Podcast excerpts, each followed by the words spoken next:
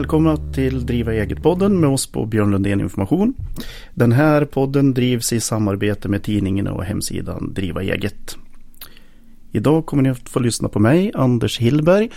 Eh, jag jobbar här på Björn Lundén med lite olika saker, bland annat utbildningar och eh, en del support. Jag har en kollega med mig som kommer att dra det stora lasset idag och han är Patrik Andersson. Och även jag jobbar med utbildningar företrädesvis inom skatt och moms. Eh, I övrigt eh, så har jag funnits här på Björn Lundén Information sedan 2011. Och eh, det vi ska prata om idag det är ju moms på lite mera basic nivå. Vi brukar kalla det för moms i praktiken. Och då blir det min kompis Anders som kommer att ställa frågorna. Och så blir det jag som ska få stå till svars. Perfekt, ja men eh, vi kan väl ställa den grundläggande frågan helt enkelt. Vad är moms egentligen och eh, varför har vi den? Moms är ju en sorts eh, skatt. Och då brukar man säga att det är en indirekt skatt. Och motsatsen till det är ju inkomstskatterna, de här skatterna som, får, som vi får betala på våra inkomster.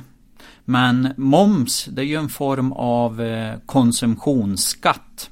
Eh, det är ju någonting som man lägger på en vara, om det nu är en vara vi köper, det kan ju även vara tjänster.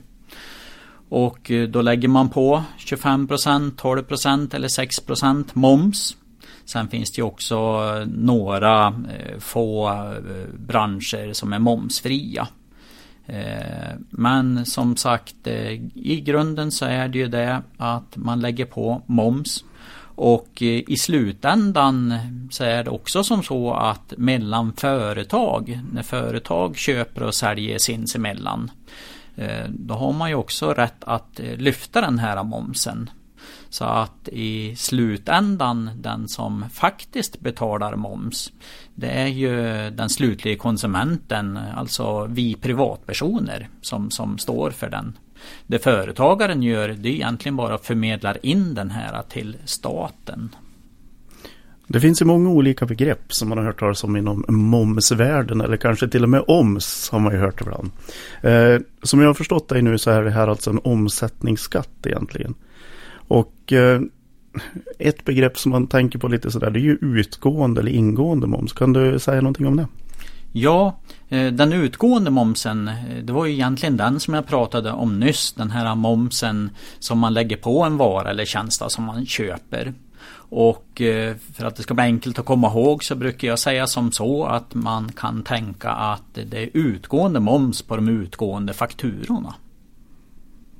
Jaha, okej. Okay. Men du, du pratar också om att dra moms eller lyfta moms nämnde du i alla fall. Ja, precis. Eh, vi på Björn Lundén Information vi brukar ju använda begreppet att vi lyfter momsen för att det egentligen så är det ju inget avdrag. Eftersom eh, det är ju privatpersonen, konsumenten i slutändan som betalar momsen och så företagaren vidareförmedlar ju det här. Och eh, om det är som så att en företagare köper in någonting som det är moms på Eh, Eh, istället för att säga att man gör avdrag så brukar vi säga att man lyfter momsen. Och eh, den här momsen som man får lyfta, det gör man ju i en momsdeklaration. Och eh, när man köper någonting och för att det ska vara lätt att komma ihåg det här begreppet ingående moms, då brukar jag säga att det är på de inkommande fakturorna.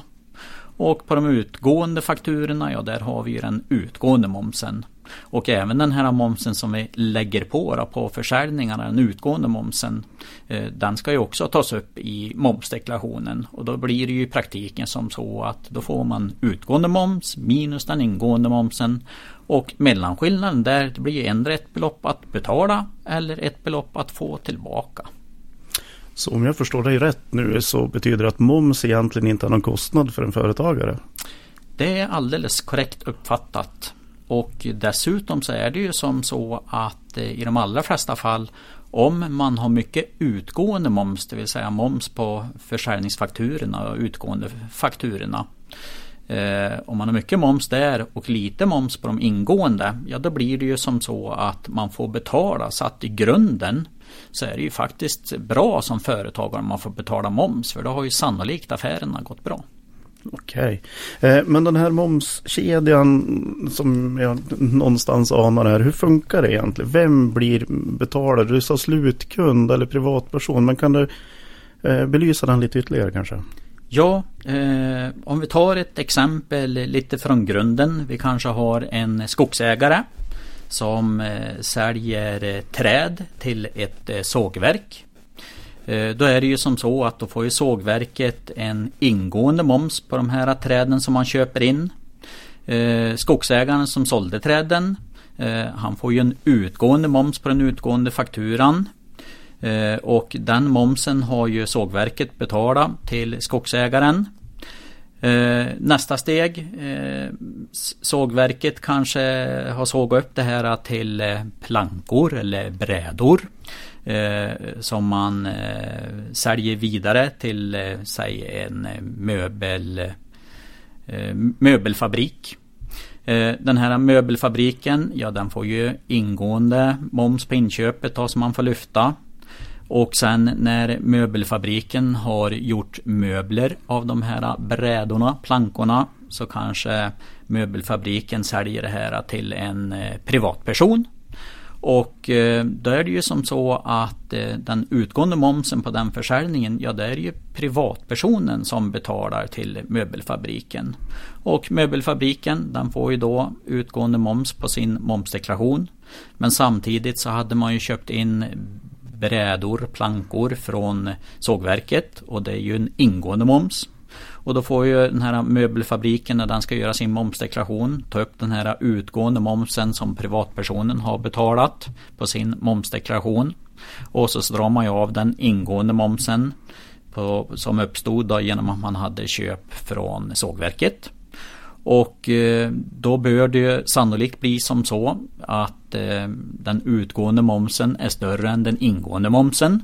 Eftersom privatpersonen har fått betala mer för möbeln som har tillkommit av brädorna och plankorna som sågverket gjorde. Eh, och då bör ju, bör ju den ingående momsen bli lägre så att i ett sånt fall då är det ju ganska tydligt att det blir eh, moms att betala på momsdeklarationen för eh, möbelfabriken. Så att det möbelfabriken gör eh, det är ju och eh, förmedlar egentligen den här momsen som vi som privatpersoner i slutändan har fått eh, stå för eftersom det är vi som betalar den. För vi får ju inte dra moms som privatpersoner. Eh, om vi tar det där exemplet och så säger vi att slutkunden här är ju alltså en, en näringsidkare.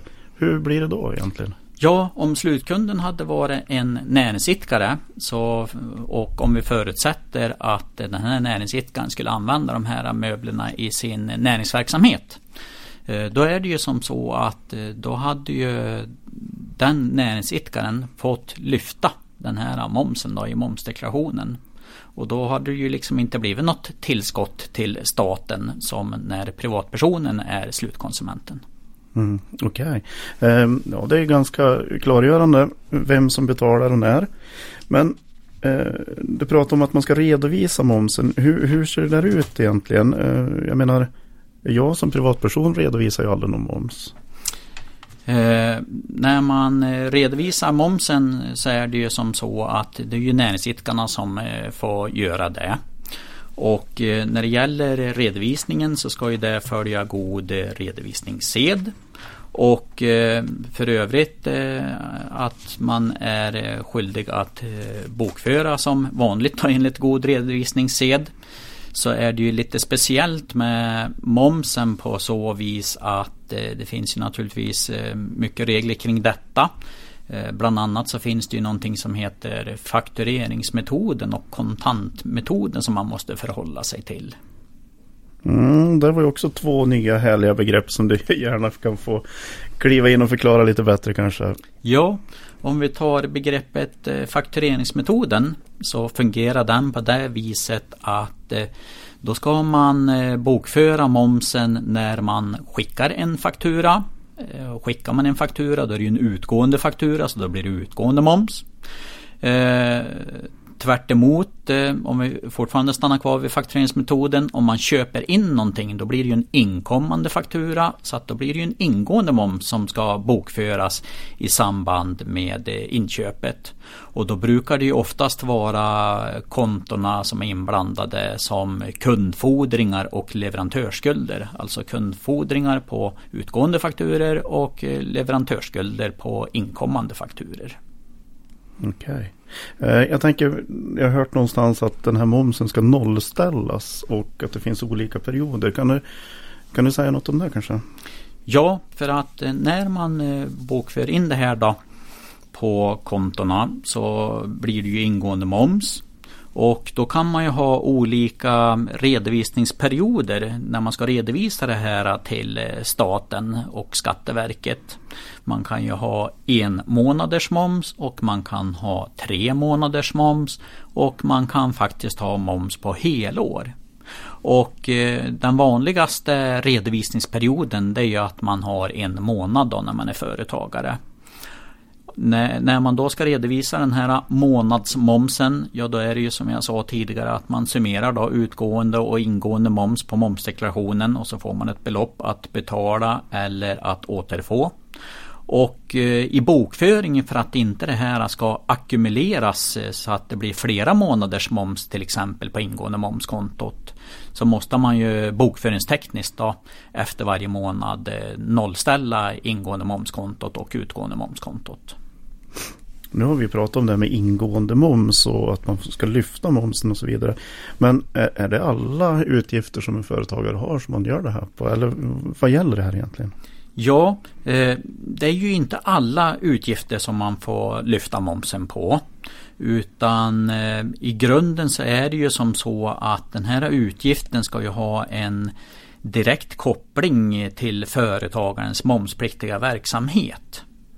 Eh, och det blir ju väldigt enkelt som när vi hade det här fallet med eh, sågverk och möbelfabrik. För det har ju en direkt koppling till momspliktig försäljning. Och eh, förutom den direkta kopplingen så finns det också möjlighet att lyfta moms för någonting som brukar benämnas för allmänna omkostnader. Man kan ju till exempel ha personalfika, om man har personal, marknadsföring, sådana här kostnader som man har runt omkring helt enkelt. Och även de kostnader får man lyfta moms på. Okej, okay, så pennor och sudd går bra att lyfta alltså? Pennor och sudd går bra att lyfta momsen på. Eh, om man får en, eh, jag tänker på det med felaktiga fakturer och lite sådana saker där man kanske har fått en felaktig moms eh, debiterad till sig så att säga. Hur, hur funkar det då? Det är inte helt ovanligt i alla fall. Nej, tyvärr så är det ju som så att eh, oavsett eh, skatteslag så är det ju ett rigoröst eh, regelverk. Så att det är ju lätt tyvärr ibland att det kan bli fel. Och eh, om det är som så att man kanske av misstag skriver en högre momsats på fakturan eh, istället för att använda sig av 6 vi, säger ett, vi tar ett exempel som en bok. För böcker är det ju 6 moms, eh, momsats på. Eh, om man skulle råka fakturera en bokförsäljning med 25% moms, ja då är det ju faktiskt en felaktigt eh, uttagen moms. Och eh, då har eh, domstolarna gått så hårt fram, eh, det finns rättspraxis på det, Eh, eh, som säger det att eh, om man gör fel på fakturan så är man ändå skyldig på den här utgående fakturan och den här utgående momsen då, som egentligen blivit för hög. Så säger rättspraxisen det att då är man ändå skyldig att leverera in den till staten och Skatteverket. Däremot som köpare då får jag en inkommande faktura med för hög moms på. Eh, ja, då, skulle, då får jag formellt inte dra den här eh, felaktiga mellanskillnaden. Det vill säga i det här fallet då säger felaktigheten mellan 25 och 6 procent, det vill säga 19 procent. De 19 procenten de är inte avlyftningsbar i momsdeklarationen. Så att här har staten och Skatteverket eh, både livrem och hängslen. Och eh, för att korrigera en sån här felaktighet, ja då är det ju lämpligast att eh, upprätta en kreditfaktura i så fall där man korrigerar den här felaktigheten. Så man gör helt enkelt om den fakturan. Då. Ja, precis, precis. Och så som jag uppfattar dig här nu så även om jag som köpare i god tro eller vad jag ska säga så mm, kan inte jag chansa på något sätt utan jag måste veta vad jag har köpt för någonting och varför. Ja, precis. Så att eh, det gäller ju inte bara att ha koll på sina egna utgående fakturor utan man lär ju även ha koll på de inkommande fakturorna eftersom den här rättspraxisen har blivit sådär stenhård. Eh, så gäller det att ha koll ja, på båda vägarna så att säga och att det blir rätt från början. För att eh, annars kan det ju bli dyrt i, i slutändan om, om man gör fel. För att eh, moms är ju liksom rena pengar. Eh, det är ju varenda krona som räknas där. Och eh, gör man fel, ja då är det som så att då brukar det kallas för oriktig uppgift. Och om man lämnar en sån till Skatteverket, för det är ju dit man lämnar momsdeklarationen, eh, då kan det bli som så att eh, Skatteverket vill ta ut eh, skattetillägg. Och då blir det liksom en straffskatt som är 20% på det felaktiga beloppet. Just det. Så det finns, så som jag fattar det nu så finns det en massa olika, eller massa olika, det finns olika procentsatser på momsen i alla fall. Eh, finns det även sånt som är helt undantaget moms? Eller hur ser det ut på sånt? Ja, precis. Eh, jo, som jag nämnde tidigare så har vi de här momsatserna 25%, 12% och eh, 6 Sen finns det ju några branscher, sektorer som är momsfria. Till exempel eh, sjukvård, tandvård, social omsorg, bankverksamhet, eh, utbildningar inom skolväsendet, eh, gage till artister. Ja, det, det finns, finns eh, en handfull eh, branscher, sektorer drygt som faktiskt är helt momsfria. Sen finns det ju egentligen skulle man kunna uttrycka som också en nollprocentig momsats. För att eh, det finns eh, eh några speciella eh, sektorer där man faktiskt får lyfta momsen men man behöver inte ta ut någon moms vid försäljningen. Eh, och eh, det här är så specifikt så att det är egentligen lite överkurs men eh, några av de här sakerna, sektorerna som berörs det är läkemedel, periodiska publikationer och flygbensin. Så att som du hör, det, det är ganska ovanliga saker ändå trots allt. Flygbränsle var ju lite, intressant i alla fall kan man ja, säga. Jo.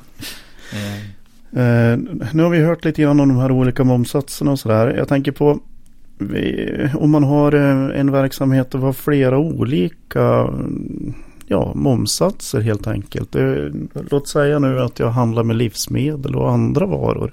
Ja. I min butik. Hur funkar det där? Och jag tänker mig liksom att ibland så säljer man ju någonting för 6 eller 12 då framförallt kanske på livsmedel och någonting annat för, för 25. Ja, precis.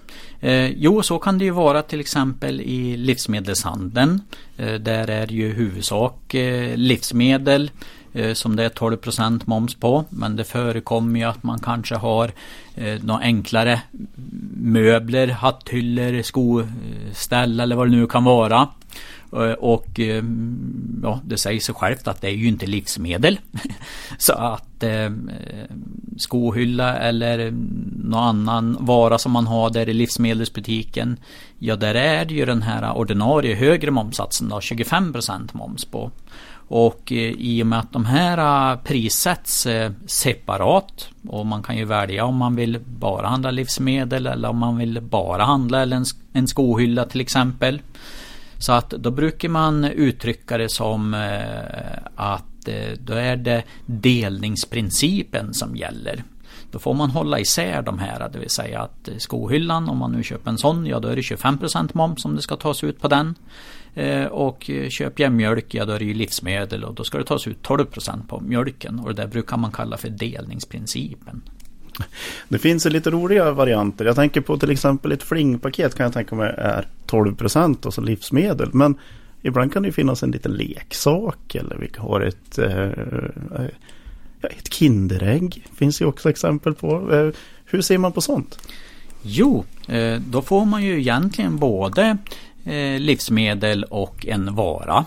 Eh, men de här prissätts ju eh, som, som, som, en, som ett paket så att säga. Och i och med att man inte kan köpa de här separat då brukar man använda sig av en annan princip som man brukar kalla för huvudsaklighetsprincipen. Och då är det nog som så med största sannolikhet att både när det gäller ett flingpaket med någon liten eh, leksaksgubbe i eller vad det nu kan vara för någonting. Eller ett Kinderägg där det är en liten leksak i. Eh, så är jag övertygad om att då går man på huvudsaklighetsprincipen där eftersom det bara finns ett pris. Och det huvudsakliga innehållet, eh, åtminstone när det gäller flingorna, eh, så är det ju flingorna man vill åt. Det är en bonus att man får kanske en liten leksak med där. Och då kommer ju det att bedömas som livsmedel och så blir det 12% moms på en sån försäljning. Eh, skulle man eh, hårdra det när det gäller Kinderägget, ja där skulle det kanske bero på vem konsumenten är. För frågar man barnet så då tror jag nog att det är leksaker man vill åt. Men eh, jag är övertygad om att i och med att det säljs i en livsmedelsbutik och och när man går till en livsmedelsbutik så är det livsmedlen man vill åt och det brukar ju trots allt vara vi vuxna som handlar livsmedel mest. Eh, så är jag även övertygad om att det ska vara 12% på Kinderägget faktiskt. Det låter lite intressant att efterfrågan är vad som styr momsen och inte nästan varan i det här läget om vi tar Kinderägget som ett exempel. Ja, och eh, det är egentligen eh, viktigt att du säger det Anders eh, för att när man kommer in på det här med delningsprincipen och huvudsaklighetsprincipen och vad det är som styr då är det ju faktiskt efterfrågan hos den genomsnittliga konsumenten som man ska ta i beaktande. Ja, det är lustigt. Moms är kul.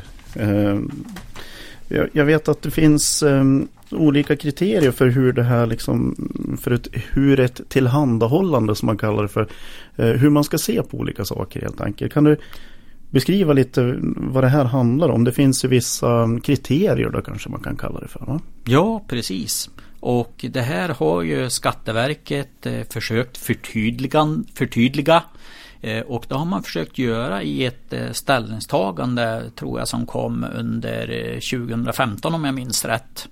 Och där resonerar Skatteverket som så när man ska bedöma det här om det ska ses som ett enda tillhandahållande eller om det ska ses som flera tillhandahållanden. Och då kommer Skatteverket in på om vi tar det här med ett enda tillhandahållande först, det vill säga huvudsaklighetsprincipen. Eh, då resonerar Skatteverket så här att eh, om de olika delarna var för sig saknar ett självständigt värde för den genomsnittlige köparen. Eller de olika delarna marknadsförs som ett tillhandahållande. Eller det är ett totalpris för samtliga delar gentemot köparen. Och slutligen, köparen saknar möjlighet att välja bort del av säljarens transaktion om de här äh, fyra sakerna som jag räknade upp nu, om äh, många av dem äh, uppfyller tillhandahållandet, ja då är det ju att se som ett enda tillhandahållande, det vill säga huvudsaklighetsprincipen. Om man däremot tittar på den här delningsprincipen och ska bedöma det som flera tillhandahållanden Då finns det även fyra kriterier där som Skatteverket tycker man ska titta på. Och då säger man så här. Någon eller några av delarna var för sig har ett självständigt värde för den genomsnittliga köparen. Tillhandahållandena marknadsförs var för sig. De olika tillhandahållandena prissätts var för sig gentemot köparen. Köparen har möjlighet att välja bort del eller delar av säljarens transaktion. Och eh, beroende på vilket av de här fyra punkterna som stämmer bäst överens Eh, så är det här en vägledning då till att kunna bedöma om det är delningsprincipen eller huvudsaklighetsprincipen som ska gälla just det fallet. Man kan ju direkt se de här problemen till exempel med picknickkorgen som man plockar ihop eller eh, julkorgen där det finns en massa olika saker. Det kan vara allt från vindruvor till eh, läsk till kanske någon liten present och sådär. Hur, hur ser man på sådana grejer då? Är det de här kriterierna man går efter? Eller? Det tror jag faktiskt eh, inte är sådär hundraprocentigt svart på vitt hur det bedöms. Utan då får man nog eh, misstänka titta på vad den här eh, korgen innehåller mest av kanske. Är det mest livsmedel? Ja men då kanske är huvudsaklighetsprincipen för att varje vara prissätts ju inte för sig. Och då är det förmodligen 12% moms på en sån korg. Är det däremot mest andra grejer och bara några få livsmedel, ja då är det ju sannolikt som så att då ska man ta 25% moms på en sån korg. Ja, det verkar kunna bli hur knöligt som helst i och för sig. Men jag tänkte på det här med eh, om vi försöker att lämna det här med lite med indikationerna på vad som är vad. Men jag tänker på rena faktureringsregler och eh, hur det ser ut där egentligen på fakturorna. Ja, i grunden så är det ju som så att eh, i de allra flesta fall så brukar man ju skicka faktura Eh, dock så finns det ju undantag från faktureringsskyldigheten som det så fint heter. Och det gäller ju försäljning till privatpersoner. Eh, där kan det ju räcka med ett vanligt eh, utskrivet kassakvitto så att säga. Och det här brukar man också benämna för en förenklad faktura. Och då är det färre krav som behöver uppfyllas. Eh, däremot eh, mellan eh, företagare då finns det ju en faktureringsskyldighet. Och när det gäller den här faktureringsskyldigheten så är det som så att eh, i en faktura, en eh, normal ordinarie faktura, eh, så är det upp till 16 punkter som den här fakturan måste innehålla. Så att det är mycket formalia även i momsens värld och mycket begrepp som vi har stött på redan. Och även i momsens värld så brukar man säga att ingen regel utan undantag. Så att eh, för vissa branscher, till exempel elektronikbranschen, så gäller det att det ska skrivas ut en faktura även till privatpersoner. Mm. Ja, det låter ju lite intressantare. Men eh, om man försöker eh, få någon typ av definition på en faktura. Jag tänker mig, du sa att en förenklad faktura kunde vara ett kvitto. Och jag förstår ju att det är mer noggrant gentemot en företagare då man då ska kunna lyfta moms som vi säger och så vidare. Men Eh, kan man säga liksom vad det här är för någonting egentligen? Eh, ja, det är lätt att tro att när man använder ordet faktura så tror man att det är ett A4-papper med de här 16 punkterna. Eh, men riktigt så enkelt är det inte när det gäller begreppet faktura. Utan en, en faktura kan ju bestå av flera handlingar faktiskt. Det kan till exempel vara ett dokument, Eh, bilagor, kompletteringar och oavsett vad man benämner saker och ting eh, som till exempel kvitto, avräkningsnota, räkning. Det finns ju mycket begrepp kring de här handlingarna. Och alla de här handlingarna tillsammans de kan faktiskt utgöra en faktura. Så att en faktura behöver inte vara en handling utan den, den kan bestå av eh, många olika handlingar så att säga. Så du menar att man ska i botten kunna ha ett avtal med bilagor och de tillsammans då ses som en faktura eller som ett fakturunderlag som räcker så att säga för momslyft enligt eh, de här 16 punkterna då tänker jag. Ja, eh, om man även i det här avtalet då har med sådana här saker som som beloppet det berör och momsbeloppet och så vidare. Så att eh, ja, då skulle ett sådant avtal kunna ses som en faktura. Ja. Jaha.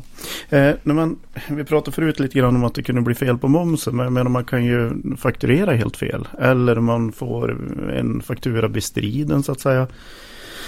Eh, och lite grann sådär så man får ja, någon kreditnota eller kreditfaktura på det här. Hur beter man sig då, då egentligen? Och vad händer med momsen i de lägena?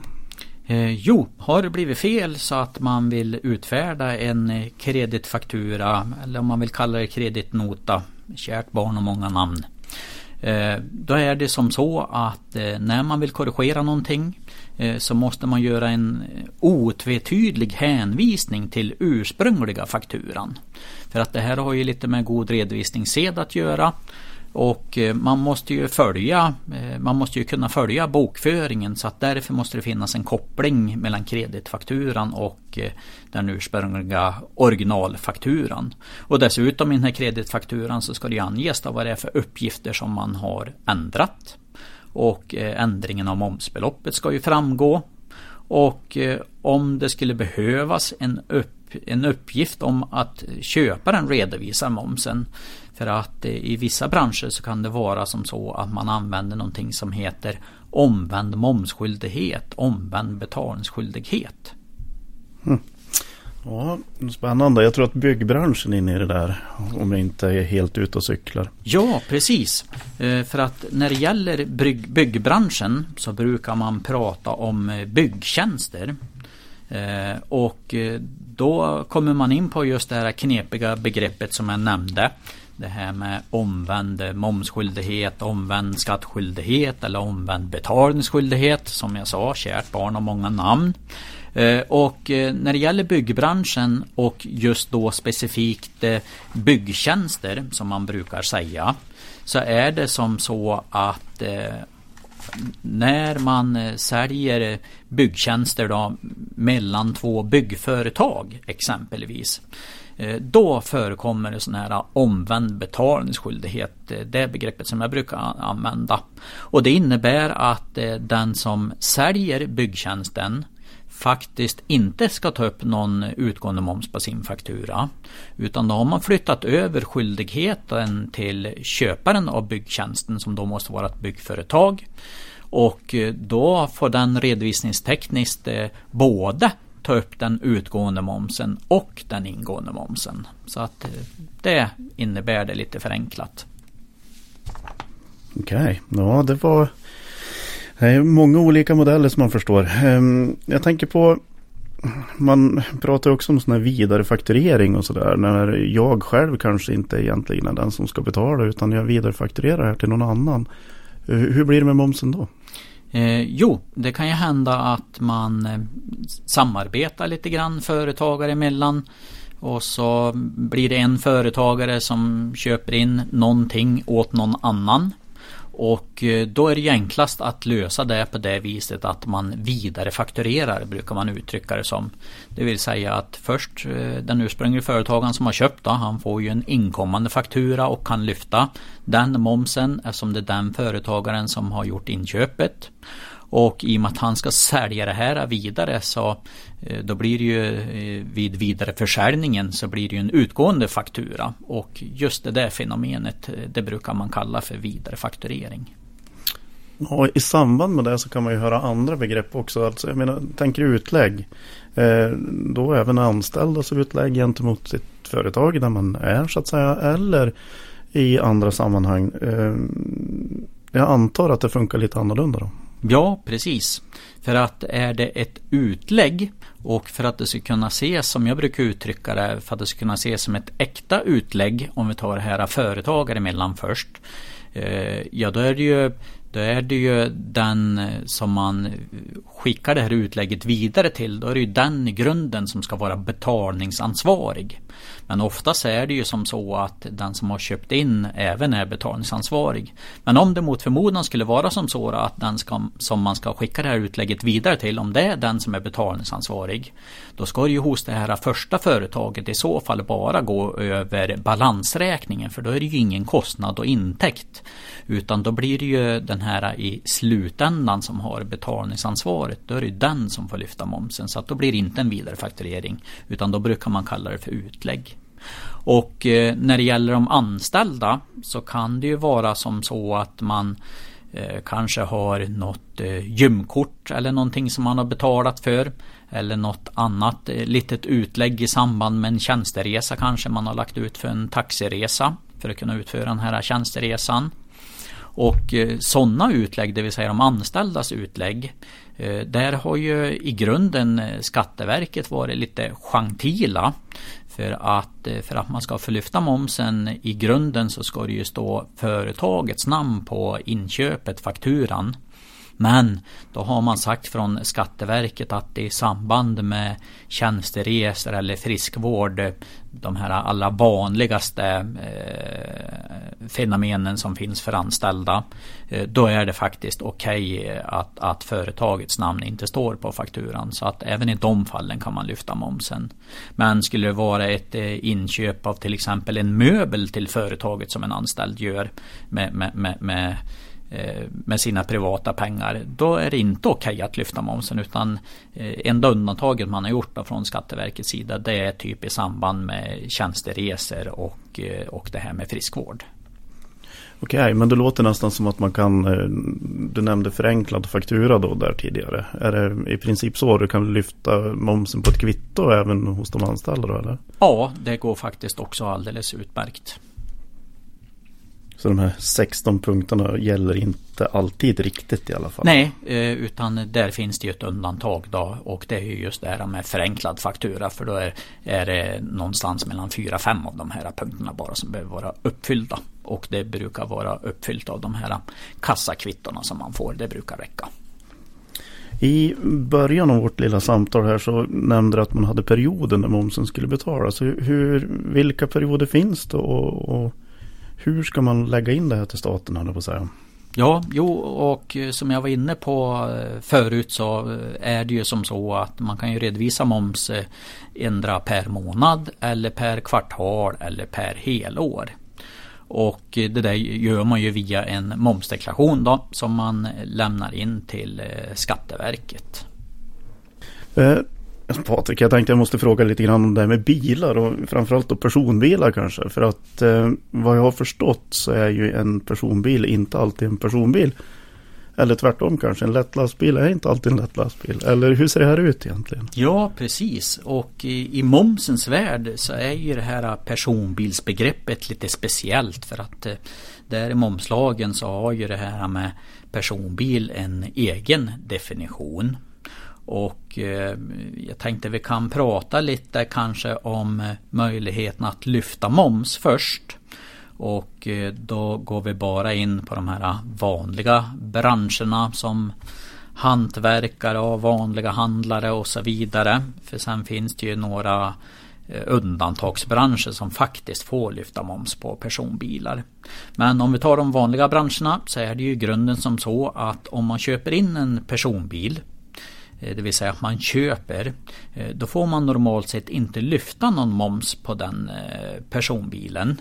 Och det här alltså trots att jag använder den enbart i verksamheten? Ja, det stämmer. Och det här är ju liksom specialreglerat i momslagen. Så att det, och det är därför då som det finns ett avdragsförbud brukar man säga.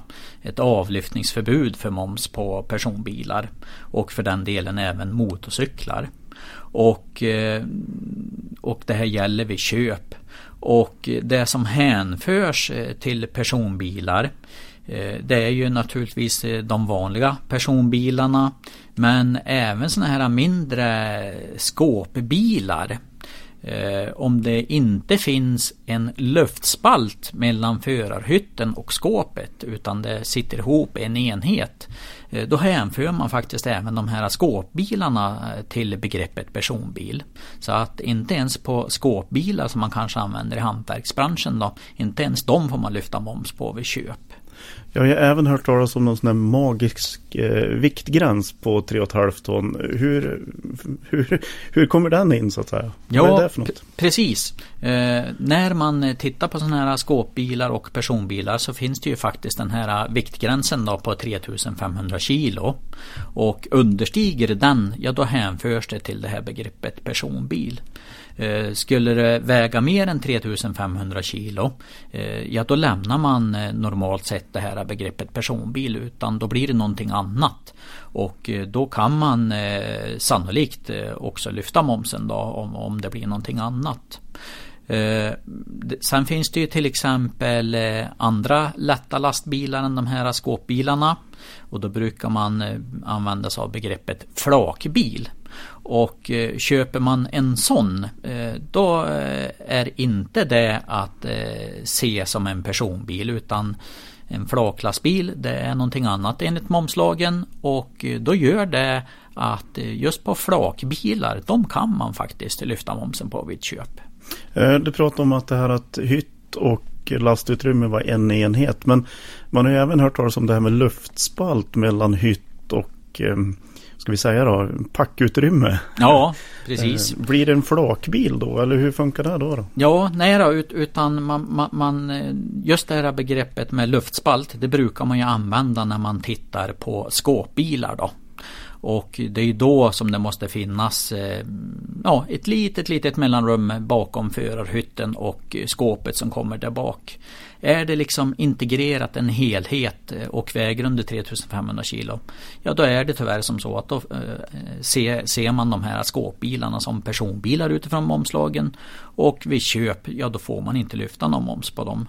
Däremot flak lastbilar, de får man alltid lyfta momsen på. Och eh, när det gäller de här skåpbilarna och vanliga personbilarna som man inte får lyfta någon moms på när man köper. Eh, då brukar det vara väldigt vanligt att man istället leasar, eh, leasar de här fordonen istället. För att leasar man en personbil och dit hör ju även de här skåpbilarna. Då får man faktiskt lyfta halva momsen på leasingen. Så att då mhm. kan det ju bli lite förmånligare att leasa istället. Då. Jag tänker med leasa eller leasing och att hyra. För mig är det ungefär samma sak. Hur fungerar det om jag har en hyrbil då? Ja, leasing och hyra är ju faktiskt samma sak. Så att det är ju samma princip där att om jag hyr en bil för tjänsteresor i mitt företag eh, då får jag ju faktiskt eh, lyfta halva momsen där. Eh, ja, men då tror jag nog nästan att Eh, jag har fått lite mer kött på benen vad gäller momsen och till och med bilarna här. Men eh, jag tycker vi får tacka Patrik för den här gången och han kanske återkommer i någon annat sammanhang med lite mera moms. Tack själv Anders och eh, som du var inne på så får vi hoppas att vi har rätt ut några begrepp här i momsens värld i alla fall.